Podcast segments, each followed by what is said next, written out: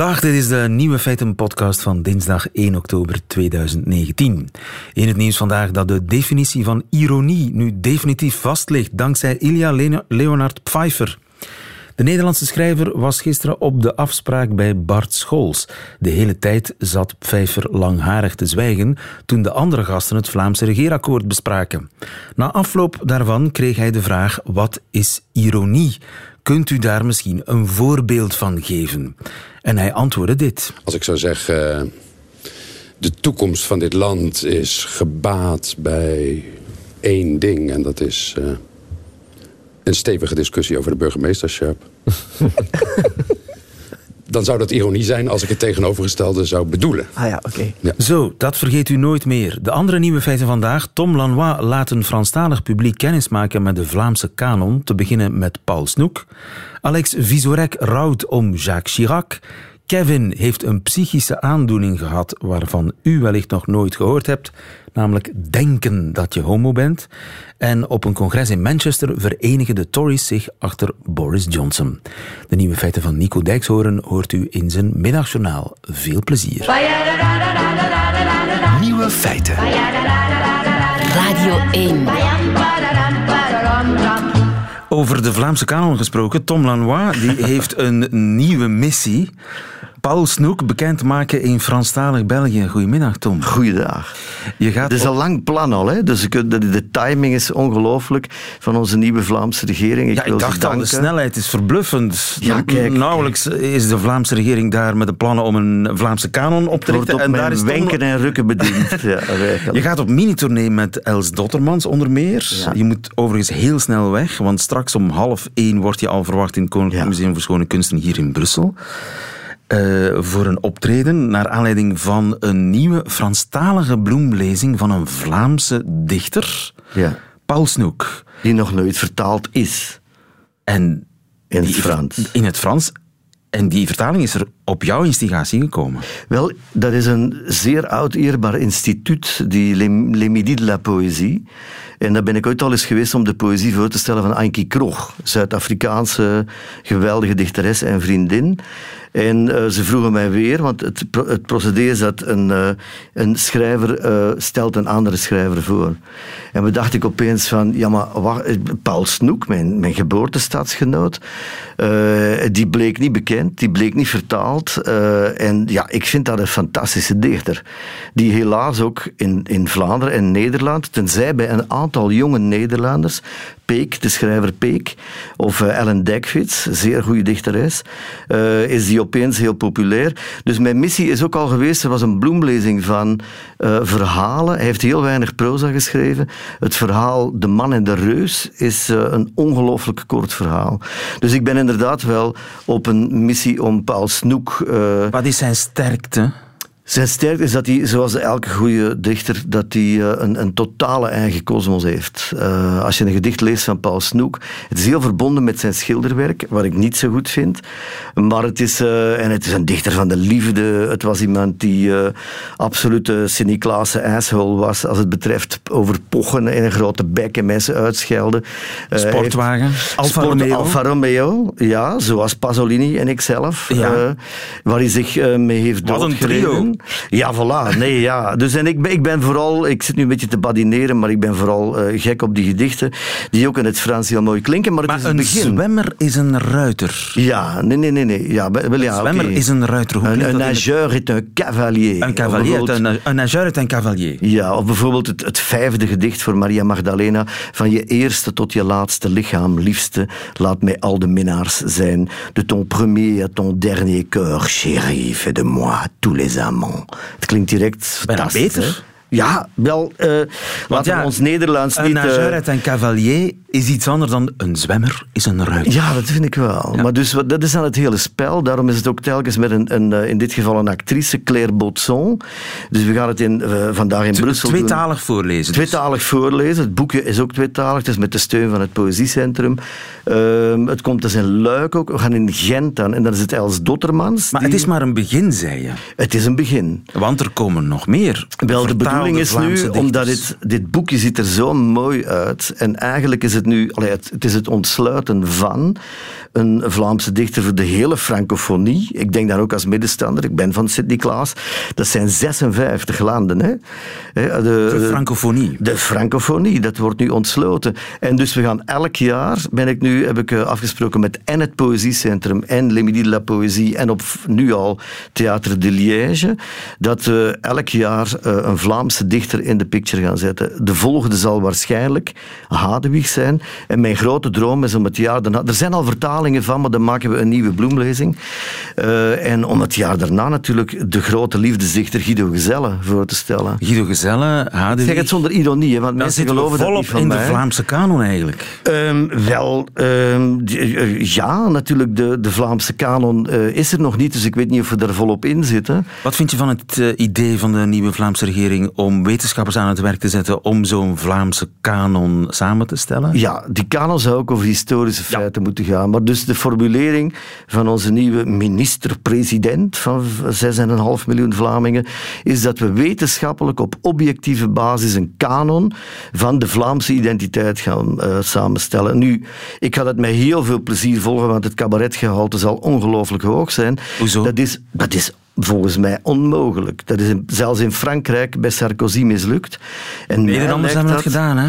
Uh, maar niet op diezelfde manier. we, hebben, we hebben een kanon uh, van de Nederlandstalige literatuur in de Koninklijke Vlaamse Academie. En dat is dan een lijst die kan veranderen. Ik ben een groot voorstander van de Lage Landenlijst. Maar dat is niet de bedoeling. De bedoeling hier is om een vaststaande basis, om identiteit te vatten, wetenschappelijk en objectief. Als er nu iets is wat volgens mij niet kan, maar ik, ik, ik laat mij verrassen. Maar mij klinkt het alsof we objectief en wetenschappelijk het uh, godsbewijs gaan leveren voor het spaghetti-monster. Dat is voor mij ongeveer hetzelfde. Dat is iets wat een identiteit, de, de essentie volgens mij van identiteit is dat je ze niet kunt vatten. Dus het is een ander ideologisch plan. Ja. En daar kom je op een scheidingsweg. De scheidingsweg is dat men niet alleen uh, mensen wil buitenhouden wanneer ze gebuist zijn voor een examen, maar dat men ook Vlamingen wil voorhouden, dit is nu uw identiteit. Ja, en als, ik snap niet dat de liberalen eraan meedoen. Ik vind dat staatsinleiding. Chronologisch... Touche pas à mon identité, uh, zou ik bijna zeggen. Ja, maar op zich is zo een, het maken van een chronologische samenvatting... Maar die bestaat toch Van onze geschiedenis, dat bestaat toch daar is toch niks mis mee? Dat, tenzij natuurlijk, wanneer de discussies zijn, wat is nu de oorsprong van de Vlaamse natie? Want daar gaat het om. En daar zijn wel heel veel discussies over. Dus de idee dat je dat... Maar dat is natuurlijk het ideologische verschil. Nationaal journalisten zeggen en willen nu dat dat inderdaad wetenschappelijk en objectief wordt vastgelegd. Mijn stelling, en ik heb begrepen die van uh, de broer van onze parttime burgemeester, is uh, ook dat dat niet echt mogelijk is en niet wenselijk dat een staat dat gaat opdringen. Dat men in onderwijs een aantal punten zou aanstippen van wat is de geschiedenis, maar dat is tegelijkertijd enorm verweven met de geschiedenis van Europa, van België. Ja, want... Maar, maar, maar de legitimering die men zoekt in kunst zou dus moeten leiden dat Ben Weitz naast een schilderij van Rubens kan staan en eigenlijk kan zeggen Rubens heeft alleen maar geschilderd om te legitimeren dat wij deze staatsvorm hebben. Wel, ik betwist dat, ik betwijfel het, maar ik zal met veel uh, interesse kijken naar wat de resultaten van die discussies zijn. Hoort Kuifje bij de Vlaamse kanon? Dat is Belgisch, hè? Dus mag dat? Dat is een vraag. George Rodenbach heeft in zijn eentje ervoor gezorgd dat het zakencijfer van Brugge al een eeuw lang gigantisch hoog is met het boek Bruges la Morte. Is dat dan een, volgens mij... Maar dat, is een Vlaming, hè, Rodenbach? Dat is een Vlaming. Die zoals Maurice Materlink. Oké, okay, zoals Maurice Materlink, uh, Verharen enzovoort. Is dan bijvoorbeeld iemand... Maar ik, ik, ik wacht met veel echt ongelooflijke interesse en gretigheid af of men wetenschappelijk en objectief kan bewijzen of Arno en het Hof van Commerce, of die nu al dan niet bij de Vlaamse kanon behoren. En wat dan, uh, als het over de Gulden Sporenslag gaat, of de versie van de Leeuw van Vlaanderen, geschreven om de Belgische staat te legitimeren door conscience, die heel zijn leven daar subsidie van het vorstenhuis Leopold I voor gekregen heeft, of die versie dan wel dat het legitimeert dat Breidel en de koning, Breidel was niet eens aanwezig bij 1302, welke versie gaan we naar voren schuiven? Dus het, het is een interessante discussie als je op voorhand zegt, we gaan daar nooit tot een einddoel van komen. En waar het mee begint is, we gaan dat dan wel een examen van maken waar wie er binnen wil komen voor moet betalen. En als je gebuist bent, ga je nog eens moeten betalen. Dat is voor zover ik het begrepen heb. Met enige slag om de arm, want we moeten nu zien hoe wordt dat uitgewerkt. Als ik dit zie... Ik weet nog altijd niet wie de minister van Cultuur zal worden, maar ik hoop nu dat onze flamigante, de NVA, dat die nu eindelijk ook eens zeggen, we gaan nu ook de ministerpost opeisen, dan hebben we een echte discussie. Dan kunnen we echt zeggen, maar het zal een discussie worden. En zal men de professoren die op voorhand, en er zijn er veel, zeggen dat is objectief en wetenschappelijk niet mogelijk om dat vast te leggen in stenen tafelen, zullen die toch ook bij de gesprekken betrokken worden. Het wordt in elk geval een, eh, een heerlijke discussie. Uh, Op zich is dat wel interessant. Morgenmiddag in Gent en de 4e oktober in Luik, Tom Lanois en een Franstalige actrice. Claire Botson, Claire die ook Botson. Mama Medea speelde, zoals El Zotter. Maar ze is over nagedacht. Hè. Paul Snoek en français. Dankjewel, Tom. Veel succes. Nieuwe feiten. Coucou de France. Met Alex Visorek. gisteren heeft u hem moeten missen wegens nieuwe Vlaamse regering. Maar vandaag hebben we wel degelijk contact met onze man in Parijs. Onze landgenoot, mijn collega bij Radio France, Alex Visorek. Goedemiddag, Alex. Ja, goedemiddag lieven en proficiat voor die regering. Uh, dank u, merci. Het woord te zeggen. Jullie waren eerst, de Franstaligen waren eerst, maar kijk, we komen er wel. Het is niet altijd uh, hetzelfde. Hè? Dus Frankrijk heeft deze week afscheid genomen van een van zijn ex-presidenten. Dat gebeurt niet vaak. Jacques Chirac is overleden. Uh, het is niet dat het als een verrassing kwam. Hij leed al een tiental jaar aan een degeneratieve ziekte en veel journalisten hielden zeker al lang hun artikels en biografies klaar, maar vorige week is er dus een belangrijke staatsman heen gegaan. Jacques Chirac. Jacques Chirac en disco? Ja, dat was het originele campagneliedje van Chirac in 81. Hoe swag was dat. Chirac was een echte filmster, een icoon, tegelijk klassie en sympathiek, met veel temperament, tactvol en vrolijk. Hij kon zich geliefd maken en één minuut daarna een uitspraak doen waardoor hij gehaat werd. Hij heeft bijvoorbeeld dit gezegd. Je ne peux pas accepter la banalisation de l'intolérance et de la haine. Voilà, en met een zekere gedragenheid voilà, kon hij dat ook zeggen.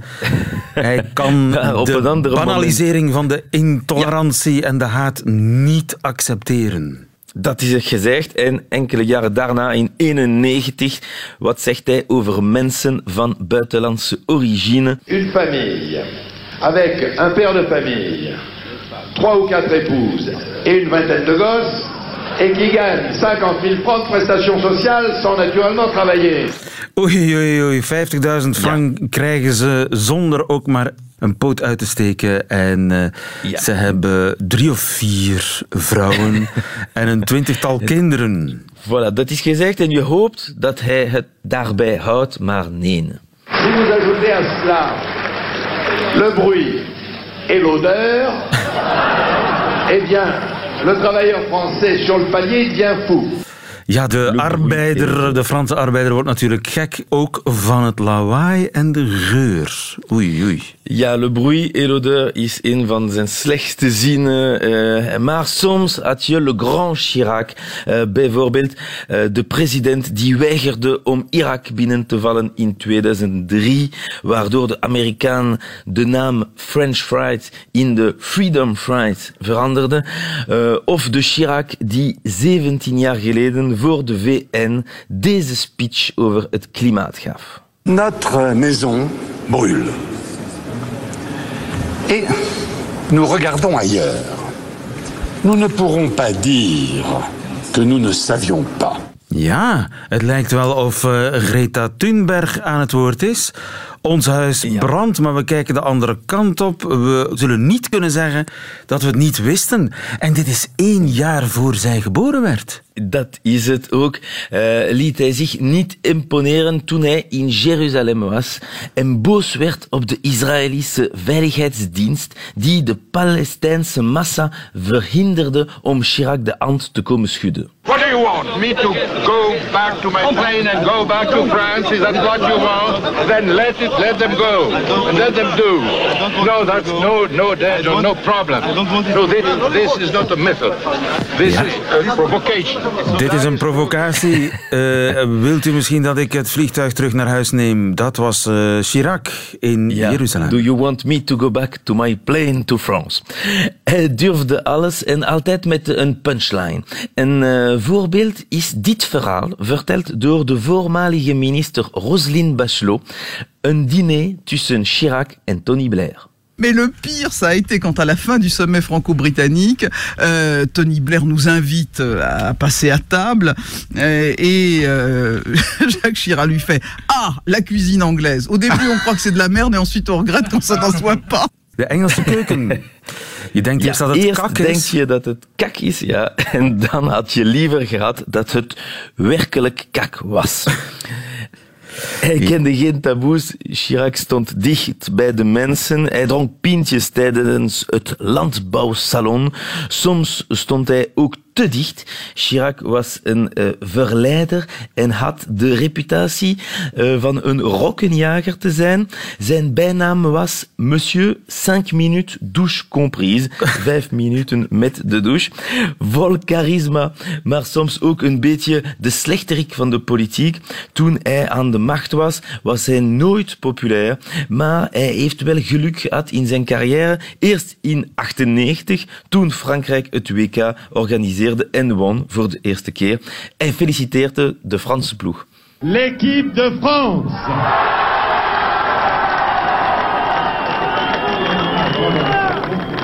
L'équipe de France et la Coupe de France. La Coupe du Monde, pardon. La Coupe du Monde. No. Voilà. Het is hetzelfde. Uh, de Coupe de France, la Coupe du Monde. En uh, kon hen ook uh, bedanken, want hij heeft 18% aan populariteit gewonnen dankzij deze overwinning van Les Bleus. Maar omdat de laatste jaren van zijn termijn vooral gekleurd waren door meerdere casseroles, gerechtelijke zaken van het verleden die opnieuw opdoken, had niemand op Chirac gegokt voor een tweede termijn totdat hij tegen Jean-Marie Le Pen in de tweede ronde zat. Maar eigenlijk is hij vooral populair geworden nadat hij uit de politiek was gestapt. Voilà, een immense carrière, een personage vol ambitie, een groot temperament, een gevoel voor humor. Dat zijn een paar van de kenmerken die zorgen dat Frankrijk een icoonarmer is. Ja, la France perd un père. Frankrijk in de rouw. uh, Jacques Chirac, voormalig president, vorige week overleden en nog steeds zindert dat overlijden na in Parijs. Dankjewel, Alex Vizorek, en tot volgende week. Tot volgende maandag. Nieuwe feiten. Geaardheidstwijfel, dat hebben we allemaal toch wel eens. He, wees maar eerlijk, al was het maar die ene nacht, die ene minuut of desnoods die ene halve seconde. Maar bij Kevin is die twijfel enigszins uit de hand gelopen. Goedemiddag, Kevin. Goedemiddag. Dankjewel dat je naar de studio bent gekomen. Je bent 38, begrijp ik? Klopt. Je bent hetero. Ja. Ben je dat zeker? Ja. toch wel, ja, ja. En toch is er iets aan de hand. Wat is, wat is er aan de hand? Wel, uh, ik leid aan een dwangstoornis. Een dwangstoornis afgekort HOCS, wat slaat op homoseksuele obsessieve compulsieve stoornis, of dwang heel kort.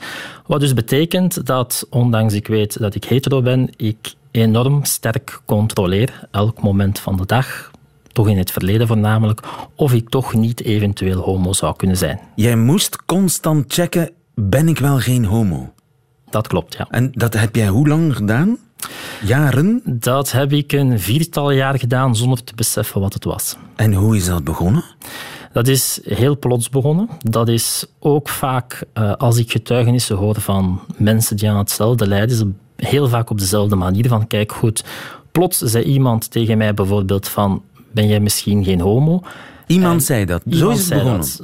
In sommige situaties. Bij mij is begonnen met een, een een visueel contact met iemand die in ruimte binnenkwam. En plots begon mijn hoofd allerlei vragen te stellen. Van... Maar misschien was je een beetje verliefd op die man die binnenkwam? Nee, toch niet. Dat onderscheid kon ik vrij duidelijk maken. Het was heel verwarrend in het begin. En wat was de verwarring? De verwarring was, mijn hoofd, daar kwamen allerlei vragen in de zin van, oké goed, is die man, zou die man nu homo zijn? Of, of uh, zou die kinderen hebben? Zou die getrouwd zijn? Ben ik geïnteresseerd in die persoon? En die vragen, dat ging een half uur door. En toen ik even rust had, toen ik de ruimte kon verlaten, dan wist ik heel goed van, kijk, er is iets, iets vreemd aan de hand. Ik kan er niet echt de vinger op leggen, maar ik, ben, ik weet van mezelf, dit is niet te vergelijken met een gevoel van verliefdheid. Het is niet te vergelijken met een gevoel van verliefdheid, maar wat was het dan wel? Wel, zoals ze dat zeggen, dwang. En ik kan dat ik kan heel moeilijk gaan uitleggen wat dat precies is. Als ik het een klein beetje kan vergelijken, om het voor de mensen wat duidelijk te maken, dwang kan je heel sterk vergelijken met het gevoel van uh, zenuwachtig met stress, examenstress bij manier van spreken. Dus het lijkt alsof dat je uh, iemand die, die, die examen moet afleggen, die zit in een volle stresssituatie en je denkt van kijk goed, ja, ik, ik, ga, ik weet het niet meer, ik ben precies mezelf niet, ik kan niet meer normaal reageren en, en alle aandacht, alle vragen, alle mogelijke rampscenario's duiken Het is een dwanggedachte. Het is een dwanggedachte, ja. En in feite, iemand met dwang, die wil constant die zekerheid van, ja, ben ik wel ben ik homo, ben ik geen homo? In mijn situatie natuurlijk zijn ook Terwijl je eigenlijk nooit opgewonden bent geraakt van mannen of jongens. Nee, nee. Heb je het ooit geprobeerd? Om nee. Nee. Eh, misschien was dat wel de truc om erachter te komen. Om definitief om die zekerheid te krijgen. Dat is wat heel vaak gezegd wordt bij dwang, maar uh, helaas werkt dwang zo niet. Dat is het grote probleem. Um, alles wat uh, controle of wat uitproberen werkt, werkt net averechts. Het grote verschil tussen homoseksualiteit en iemand die aan dwang leidt, is iemand die aan dwang leidt, die mag zichzelf outen. Ik heb het ook met momenten gedacht van, kijk goed, ja, laat het mij gewoon zeggen, ik ben gewoon homo. Op een gegeven moment was je er klaar voor om uit de kast te komen? Vijf minuten lang, ja.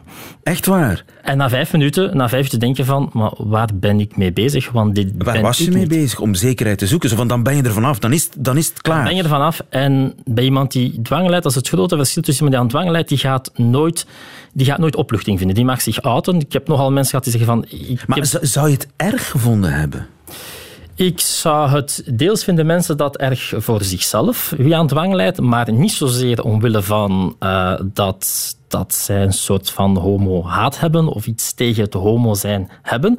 Maar in grote lijnen hebben ze daar iets, allez, iets tegen van. Je vecht met je natuur. In feite zegt je hoofd iets wat je niet bent. En daar zit hem de grote botsing. Je weet van jezelf, ik ben geen homo. En je hoofd tracht u allerlei dingen wijs te maken. Waardoor dat je enorm die twijfel hebt. Maar je weet van jezelf ook wel van, ja, ik ben het niet. Ja. En toch ben je die weg een stuk opgegaan. Je, je bent naar homobars gegaan om, om, om te checken, misschien? Um, wel, het is als volgt. Voor die dwang is uitgebroken, een aantal van mijn goede vrienden en beste vrienden zijn ook homo. Had daar een goed contact mee, of heb daar nog altijd een goed contact mee. En daar was ook nooit op dat moment iets van goed, ik heb interesse of ik twijfel eraan. Dus ik was zelfs voor ik zelf aan dwang ook leed, met die mensen ja, van we gaan eens weg en in een homobaat terechtgekomen. Maar ook dat waren zaken die mij niks zeiden, voor ik aan dwang leed, echt aan die dwang leed.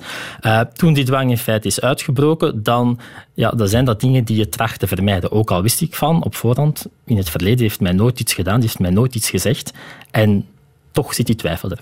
Menno Oosterhof zit uh, mee te luisteren in Groningen. Goedemiddag, meneer Oosterhof. Goedemiddag. U bent psychiater en ervaringsdeskundige wat dwangneurose betreft. Ja. Ik had nog nooit van die uh, homoseksuele dwanggedachten gehoord. U wel? Ja, um, 25 jaar terug voor het eerst eigenlijk. In die tijd was er nog amper internet. Maar ik had toen een patiënt en die had eerst al andere vormen van dwang gehad. En die kreeg toen de obsessie van ben ik niet eigenlijk lesbisch. En zij had een broer en die was al heel goed op internet en die had het op internet gezocht. En toen hoorde ik voor het eerst de officiële naam. En het, het heet ook wel seksuele oriëntatie, OCD. Want omgekeerd komt ook voor dat homoseksuelen opeens denken van ben ik niet toch hetero. En, ehm, en dat heeft met de werkelijke geaardheid, want ja, geaardheid nee, nee, nee, is iets fluïde. Hè? Niemand is 100% zus of 100% zo. Met de werkelijkheid heeft het eigenlijk niks te maken. Nee, het probleem is, is, is vooral de obsessieve twijfel. En die kan zich op heel veel terreinen bij dwang uiten. Ehm, en dus ook, ook het, het, soms hebben mensen iets van, zijn mijn kinderen wel van mij? En die hebben dan de neiging om dat helemaal uit te zoeken met DNA. En dan is de deur wel toe? Nou, dat, dat ook, maar dat is de meest bekende. Hè? De controlezucht en de smetvrees, dat zijn de meest bekende vormen van dwang. Daar is het familie van? daar hoort het gewoon bij. Het is een obsessief-compulsieve stoornis die zich in dit geval richt op de obsessieve vraag van of je niet een andere seksuele geaardheid hebt dan, je, dan je eigenlijk bent. Ja. ja. En dat, die, dat is nooit te bevredigen als het ware. Die, die nou, 100% blijft. zekerheid bestaat niet. Dat is bij dwang überhaupt 100% perfectie bestaat niet. Dus hoe meer je dat nastreeft, hoe onrustiger je wordt. Je wordt steeds scherper in erop gaan letten en denken: beweeg ik niet als een homo en zien ze me. En dus dat, dat helpt niks. Je moet inderdaad, en dat is moeilijk genoeg. Je moet, uh, je moet eigenlijk uitgaan niet van, van zekerheid, maar van waarschijnlijkheid. En met de onzekerheid leren leven. Maar dat, is, dat, is, dat valt niet mee. Het voelt voor die mensen vaak alsof ze op een onontplofte bom leven. Zo van, ik moet iets onder ogen zien, dat komt er vroeg of laat uit. En dan moet je zeggen van nee, je moet je er verder niet druk over maken. Ik heb wel eens net een blog geschreven die heet niet hechten en niet vechten. Je moet er geen waarde aan hechten. Maar je moet er ook niet tegen ingaan. Je moet het eigenlijk negeren. Dat is niet makkelijk. Maar goed, Kevin heeft dat gelukkig wel behoorlijk onder de knie gekregen. Wat heeft jou gered, Kevin? Eerst en vooral weten wat het is. Dat is het grootste probleem. Vele mensen met dwangstoornissen weten gewoon niet dat ze aan dwangstoornis lijden, herkennen zich ook niet in de traditionele dwangstoornis zoals Menno ze net opgezond heeft. Uh, twee, therapie. Ik denk zonder uh, heel specifiek gerichte therapie naar dwangstoornissen is het quasi onmogelijk om ermee om te gaan. En drie, wat men ook zegt, laat het er zijn. Ik bedoel, laat de gedachten er maar zijn als we alles moeten gaan geloven wat we denken, ik denk dat we dan wel vrij ver van huis zijn natuurlijk. Dus gewoon laat die gedachten er zijn en na verloop van tijd neem je die gedachten zelf wel af en kom je voor een groot stuk terug bij jezelf terecht. Ja. En meneer Oosterhoff, wat ik en, uh, met, met, mijn simpele boerenverstand denk, uh, ga dan die weg waar je zo bang van bent en dan weet je wat, wat het is. En dan, uh, dat is geen goed plan? Nee, dat zei Kevin ook al. Dan ben je nog steeds op zoek naar zekerheid. En die krijg je niet. Dan ga je gewoon dan maar toch weer denken van... ja, misschien raakte ik dit keer niet opgewonden, maar de volgende keer wel. Dus dat helpt niks. Dan blijf je nog zoeken naar zekerheid. En, en dat is er niet. Je moet juist de onzekerheid leren verdragen. En dat, dat, dat, uh, dus nee, dat helpt helaas niet. En uh, dit gesprek horen op de radio helpt misschien? Gewoon het feit dat... Nou, wat Kevin zei, het, is het, het, het weten wat er, wat er speelt, dat scheelt wel. Dus daar ben ik ook heel blij dat hij de moed heeft om daar open over te zijn. Want een hoop mensen durven dat ook nog niet. Maar het is voor mensen, hè, het is voor, dat, dat ze op een gegeven moment... Eh, ik, ik heb een blog ooit geschreven, ook hierover. En ik word nog echt dagelijks benaderd door mensen en dat ze in elk geval weten van, hé, hey, dit bestaat. Dat is, dat is wel al een enorme steun. Dan nog ben je er niet, maar dat, dat scheelt wel, ja. Voor mij was het een nieuw feit. Dankjewel in uh, Groningen voor ons, uh, Menno Oosterhof. En dankjewel ook uh, Kevin Arnoud voor je komst naar de studio. Nieuwe feiten. Radio 1. Ondanks alles zijn in Manchester in Engeland de Tories bijeen op hun jaarlijkse congres. Dat is meestal een feestelijke bedoeling. Maar of er dit jaar wel reden is om te feesten, dat vraag ik me af. Harry de Pape, goedemiddag. Goedemiddag. Harry, Engeland-kenner. Jij bent ter plaatse op het congres. Lange ja, gezichten klopt. daar, veel discussies. Uh, nee, opmerkelijk genoeg niet. Het is hier één groot feest, zo lijkt het wel. dus het is echt een eiland in, uh, in Manchester dat, dat ja, totaal los is van de realiteit, uh, heb ik het gevoel. Dat is heel opmerkelijk. Want ja, zo'n partijcongres dat kun je moeilijk vergelijken met een partijcongres zoals er bij ons deze week ettelijke ja. zullen zijn. Dat is, ja, ik, ik, heb een promofilmpje gevonden, we gaan eens naar luisteren. Dat is meer een, een, een netwerkfeest, het lijkt wel een beurs. Ja ministers to understand people's concerns. It's enabling us to get the message out to everyone and to key MPs. And I like it because we can interact with people in a rather different way to normal, slightly less formal than when we see people as government ministers. I mean, it's so helpful um, as a member of parliament to be able to come and see what innovation is happening, what firms are doing, what business is asking for. Well, this is a great opportunity for people to network, to exchange business cards and phone numbers, to get advice, to get a little bit of encouragement. Um, and as, as I say, as you can hear, there's a real enthusiasm, a real buzz. It's infectious. A real buzz, it's infectious, het is aanstekelijk. Je zag ook beelden op dat promofilmpje van ja, het, het lijkt gewoon een handelsbeurs. In ieder geval mensen ook, ja. proberen Mhm. hun waar te slijten. In dit geval zijn dat bedrijven, belanghebbenden, lobbyisten die hun ding willen verkopen aan de politici. Ja, ja, daar komt het een beetje op neer. Dus het is ook een, een, hele, een heel economisch event. Echt. De partij verdient er geld aan. Hè. aan deze... Vroeger waren, waren die partijcongressen verlieslatend voor de Tories. Maar sinds dat eh, David Cameron aan de macht kwam, eh, enkele jaren terug, is het echt een, een, een, ja, een winstgevend ding geworden voor de Conservative Party. Het is een kennismakingsfeest voor iedereen, zeg maar. Ja, zoiets. Je hebt zo'n centrale hal hè, en daar heb je echt een beurs. Je hebt daar een boekhandel, je hebt er zelfs een kleermaker. Je kan je maat laten op, opmeten. Een kleermaker? Maat, maatpak, ja. Ongelooflijk, hè. Een maatpak laten opmaken. Je hebt daar een, een, antiek handeltje. eh, maar je hebt daar ook organisaties, ehm, zoals eh, iets van Dolly Parton. dus staat een grote pancart Dolly Parton is daar? Eh, Wel, een grote pancart van haar. Die, die stimuleert het lezen bij, bij armere kinderen. Dus dat, dat staat hier ook. Je hebt ook het, kan, het kankerfonds van het Verenigd Koninkrijk. Die zijn hier ook allemaal aanwezig. En voortdurend spreken zij mensen aan die hier passeren. Dus op zich een boeiend evenement. Nu, de- los van die handelsbeurs heb je aan de, aan de zijkant, letterlijk aan de zijkant van die beurs, heb je veel fringe events. Dat zijn dan kleine netwerkevents waar sprekers komen, waar debatten plaatsvinden. Waar, ja, waar eigenlijk het meest interessante deel van hele dit bijeenkomst eh, plaatsvindt. En wordt daar vaak over de brexit gepraat en de perikelen? Ja, dat is wel het, dat is echt het hoofdthema. En heel opvallend, en dat is wat je daar straks al vermeldde, het lijkt wel een eiland los van de realiteit. Zij zijn ervan overtuigd, we are getting Brexit done. En we gaan dit regelen en tegen 31 oktober stappen we gewoon uit de EU met een deal. Dat is er altijd bij, met een deal. Met een En deal. no deal als het moet. Ja, ze zijn En no deal als het moet. Dus eh, het moet, het is een partij van harde brexiteers geworden. Toch wel, ja. Nochtans, je hebt ook eh, fringe events. Ik was er gisteren eh, op eentje aanwezig, waar ook wel kritische geluiden te horen zijn hoor. Van dit is toch niet realistisch, is dit wel mogelijk? Maar dit is wel nu letterlijk naar de zijkant geschoven. Ik was er twee jaar geleden terug ook. En toen was het wel een anders. Toen was het heel duidelijk, we wilden een, een akkoord en een harde brexit mocht er niet komen. Dat is helemaal verschoven nu. De lijn ligt helemaal anders. Je hebt dus de harde brexiteers van de Tories die de macht overgenomen hebben binnen de partij. En mist er niemand die 21 ontslagen Tory-parlementsleden? Eh, wel, ik heb er eentje gevonden. Hè. Dominic Grieve was hier aanwezig. Die man eh, is uit de partij gezet. En eh, hij was er. en hij blijft zijn standpunt verdedigen. En hij heeft zelfs doodsbedreigingen ontvangen op weg naar hier. Dat bleek dan van de, van de kant van de Brexit Party te komen. Maar die, die man blijft hier wel aanwezig. Andere figuur, Rory Stewart, ook uit de partij gezet, die is niet opgedoken. Die was aanwezig op een, een event waar hij zou spreken. Maar hij was nergens te zien. Hij stuurde gewoon zijn kat. Ja, maar we moeten besluiten dat die partij een flinke ruk naar rechts gemaakt heeft. Ja, eh, wel, economisch gezien niet. Hè. Als je economisch bekijkt, zij gaan enorm investeren. Hè. Als, als ik hun programma nu hoor, lijkt het meer op een Labour-programma. hè. Volop investeren in een ziekteverzekering, volop investeren in het onderwijs, volop investeren ook in de politie. Hè.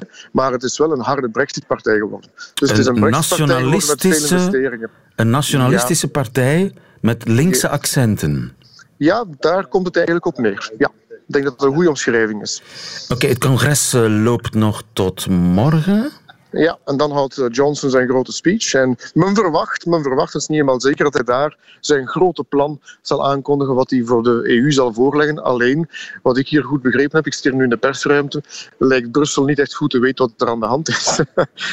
Zij zijn vooral vertwijfeld en zegt Johnson vooral, ik regel dat wel.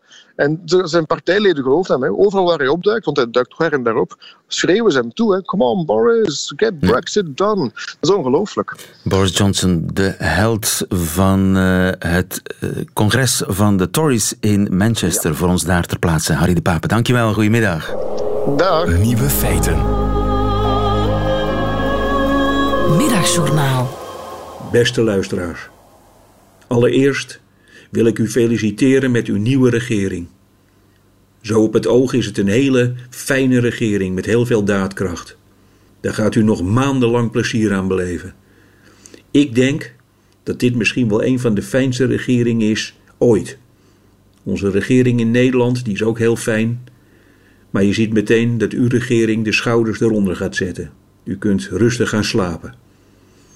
Ik vind het een heel prettig idee dat andere mensen aan het regeren zijn. Ik zit thuis. Ik kijk naar de supermarkt aan de overkant. Ik pak een verrekijker om te zien wat er in de aanbieding is. Aubergines.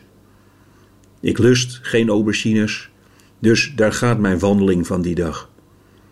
En terwijl de ledigheid langzaam als zwart bloed door mijn lichaam trekt, weet ik, ergens in Nederland zitten ze nu te regeren.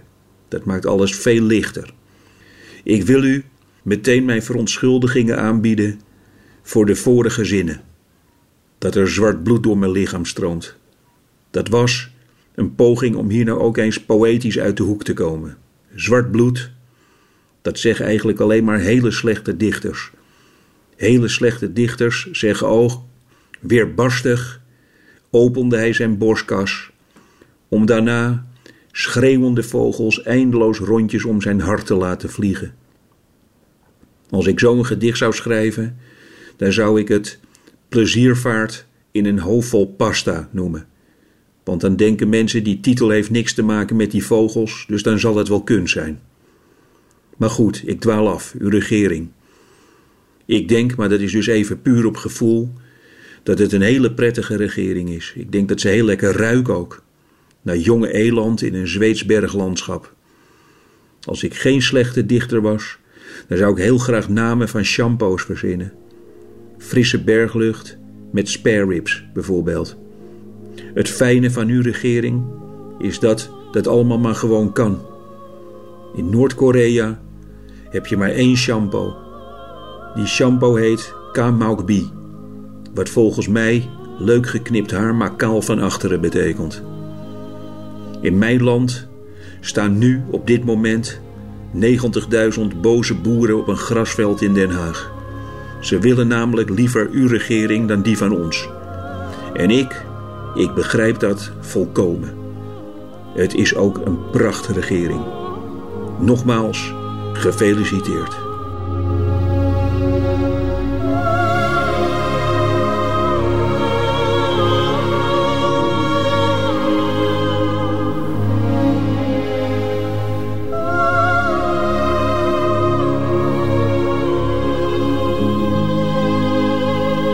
Middagjournaal met Nico Dijkshoorn. Dankjewel, Nico. Meteen het einde van deze podcast. Hoort u liever de volledige uitzending met de muziek erbij? Dan kunt u natuurlijk terecht op onze website of op onze app. Daar vindt u overigens nog veel meer fijne podcasts. Tot volgende keer.